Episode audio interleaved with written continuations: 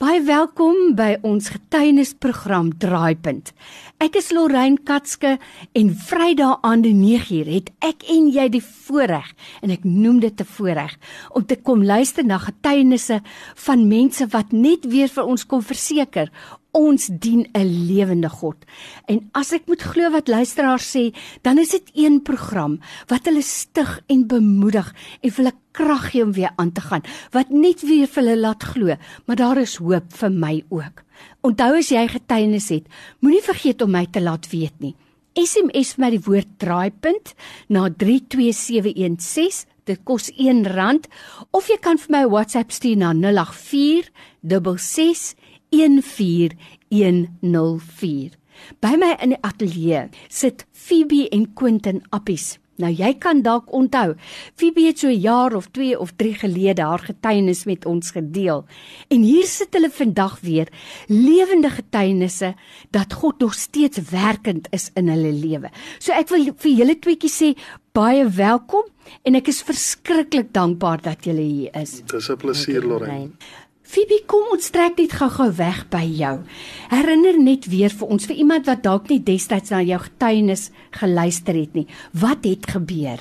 Ja, Lorraine, in 2014 het ek die oggend opgestaan, my gewas, ek het my handdoek vergeet uh, in die kamer en ek sê toe, ehm um, my man moet dit uh, gou die handdoek bring en hy sien toe die knop om my, my bors en hy sê vir my ek gaan nie werk nie. Hy gaan vir my na 'n privaat um, dokter toe neem en ons is toe daai oggend na die dokter toe, maar die dokter het gesê dit is nie sy professie nie, so hy het my ge um refer na Tygerberg Hospitaal toe. Daar was ek uh, die afspraak moes ek wag 2 weke en in die tyd kon ons net op God vertrou. Amen.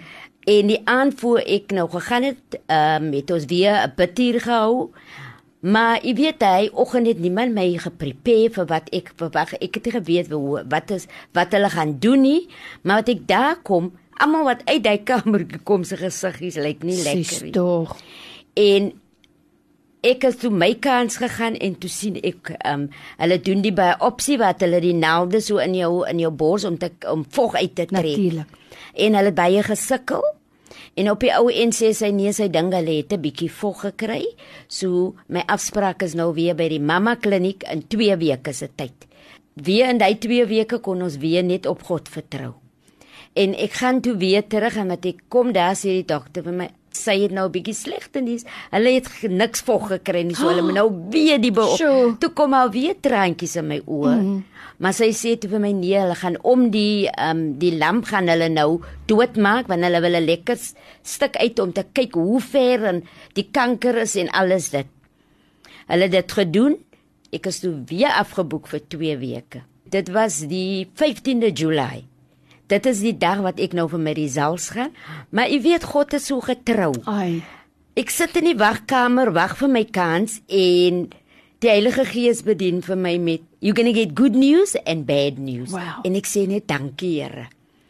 En toe ek inkom toe sê vra die dokter nou eers hoe gaan dit met my en toe sê sy vir my um I got good news. I got bad news. Sure. En ek smile en sy sê ek is die eerste persoon wat nou op hulle results kom en ek smile. Toe sê ek vir haar, um sê vir my nou eers die slegte nuus. Sy sê die slegte nuus is die lamp is kanserus.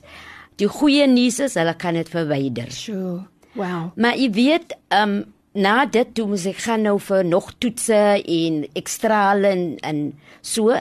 Maar in die tyd moes ek nou bid om vir die Here te vra vir kalmte ja. om vir my man te laat weet? Ja.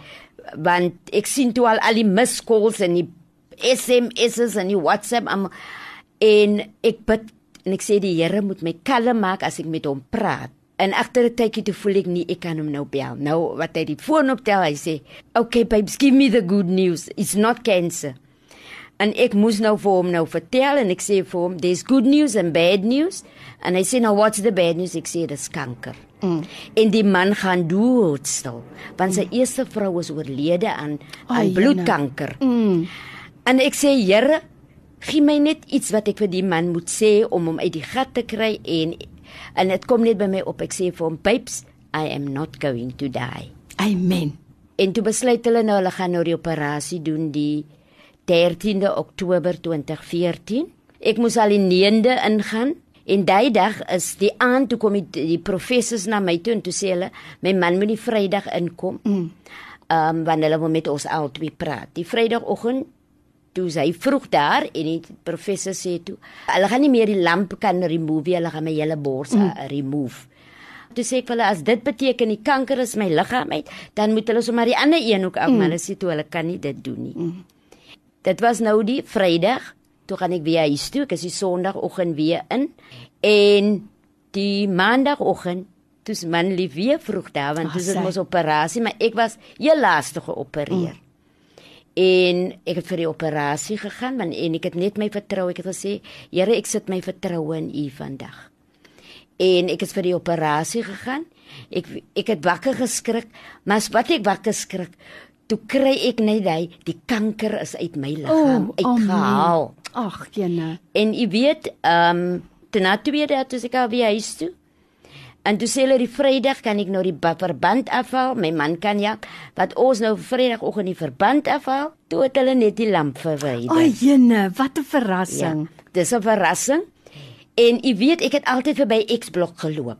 En dan het ek vir my man gesê, "I sê ek, Lord, I'm not going there. I'm not going to have chemo. I'm not going to have radiation." En hy kon nie verstaan hoekom sê ek dit nou nie. En hy sê die mense kyk my aan.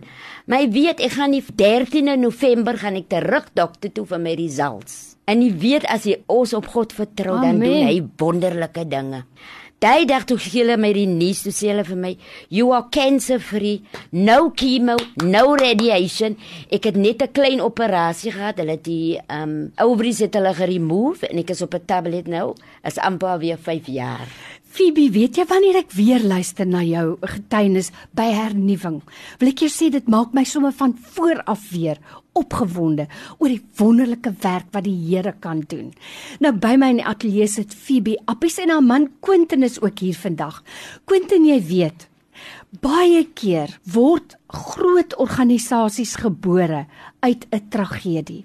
Nou in hele omstandighede Was dit nie 'n tragedie nie, dit is 'n oorwinning, maar tog het daar wonderlike ministry gekom uit julle pad wat julle geloop het. Vertel ons daarvan. Uh, ja, Lauren, uh, die dag toe my vrou uit die hospitaal het ontslaan word, uh, was ons was ons nogal bekommerd oor uh, is daar nog kanker of nie. En ons het teruggegaan met die nuus en ek het geglo soos sy geglo het, sy sal nooit chemo kry nie, nooit radiation kry nie. Amen. En haar belofte was altyd aan die Here dat as sy genees word, wil sy vir hom werk. Sy wil teruggee ook vir die mense wat nog steeds ly.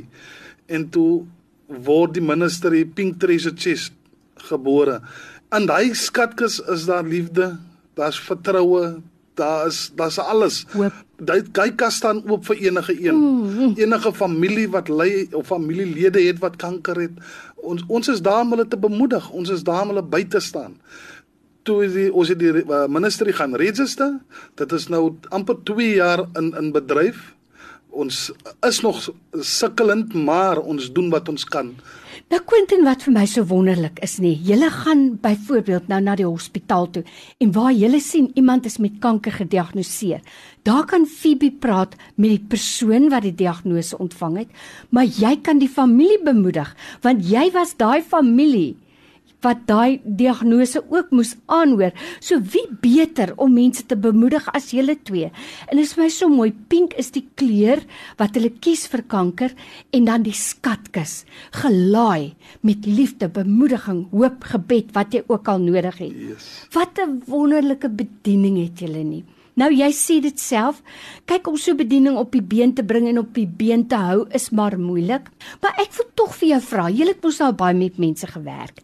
Wat is die behoefte van mense wat daai diagnose kry? Ja, Lauren, daar's daar's baie om is nie net 'n bietjie nie, want kanker is 'n is 'n is 'n diagnose so. wat mense se hoop laat val. Ja. Selfs die familielede se hoop mm. val, maar daar is so baie baie nood in daai in daai uh, diagnose. Dis nie net daai kenny die nodighede soos huisraad kosvoorraad dit mag nie broodwinner is wat die wat die oh. kanker opgedoen het en dit dit dit dit, dit stel die familie 'n uh, 'n terug Daar's die inkomste nie Sjoe. om krag te koop, daar's die inkomste om Kos om, om kos te koop of om klere te koop, Sjoe. selfs om die kinders op skool te hou nie. So dit is waar ons as Pinkterries Chest ingekom het al voor dan tevore. Uh en en en ek moes my kar al verkoop het net om die families te onderhou. Maar Quentin, die Here gaan vir julle met rente teruggee. Ek glo dit. Maar ek wil tog nou vra, Phoebe, ons luisteraars wat nou luister, hulle het oop hand. Hoorie, ons het wonderlike luisteraars. Wat is julle wenslys? Gee vir ons praktiese goed. Waarmee kan ons vir julle help? Um Lorraine, uh, ons is in uh, tydig in Delf. So ons loop tussen die areas. Som areas is baie ver uitmekaar. Daar is nie altyd taxi vir vir nie so ons stap. So 'n vervoer is wat ons elke aand voorbid. 'n Vervoermiddel. Nou Ja. luister, hier's luisteraars wat nou hoor. En as die Here dit op jou hart lê vandag om 'n voertuig te skenk vir Phoebe en Quentin Appies, dis eers op julle wenslys wat nog? Um baie van die pasiënte is stage 4 en stage 4 is waar hulle op hulle laaste is, so hulle is op nappies. Ai, Hulle ja. makie ook uh, um die um shakes. En hulle kan nie meer eet, baie kan Ai, nie jene. eet nie. So dit is wat ons maar ons het so eie sak, maar dis baie duur. Ja, natuurlijk. En dan wil ons mense wat hulle tyd ook wil afstaan saam met ons gaan na die hospitale gaan saam Gaan na die bid en bemoedig. pasiënte en bemoedig, bemoedig die families uh, ook en die pasiënte En dan natuurlik, onthou ek ken vir Phoebe nou al vir 'n paar jaar en vir Quentin en ek kan instaan vir hulle dis mense met integriteit. As jy voel dat jy dan finansies wil skenk omdat jy self nie by hulle kan uitkom nie, jy kan dit met groot vrymoedigheid doen. So ten slotte net Quentin, gee vir ons 'n kontaknommer waar ons julle kan kontak. Ja, Lauren, uh, my kontaknommer sal wees uh 067 uh 825 6991. Ek herhaal 067 825 6991. Dit is dit is nou my kontaknommertjie en my vrou het haar eie kontaknommertjie. En haar kontaknommertjie sal wees 084 787 2657. Ek herhaal dit ook is 084 787 2657. Nou daai het jy dit gehoor by Phoebe en Quentin Appies.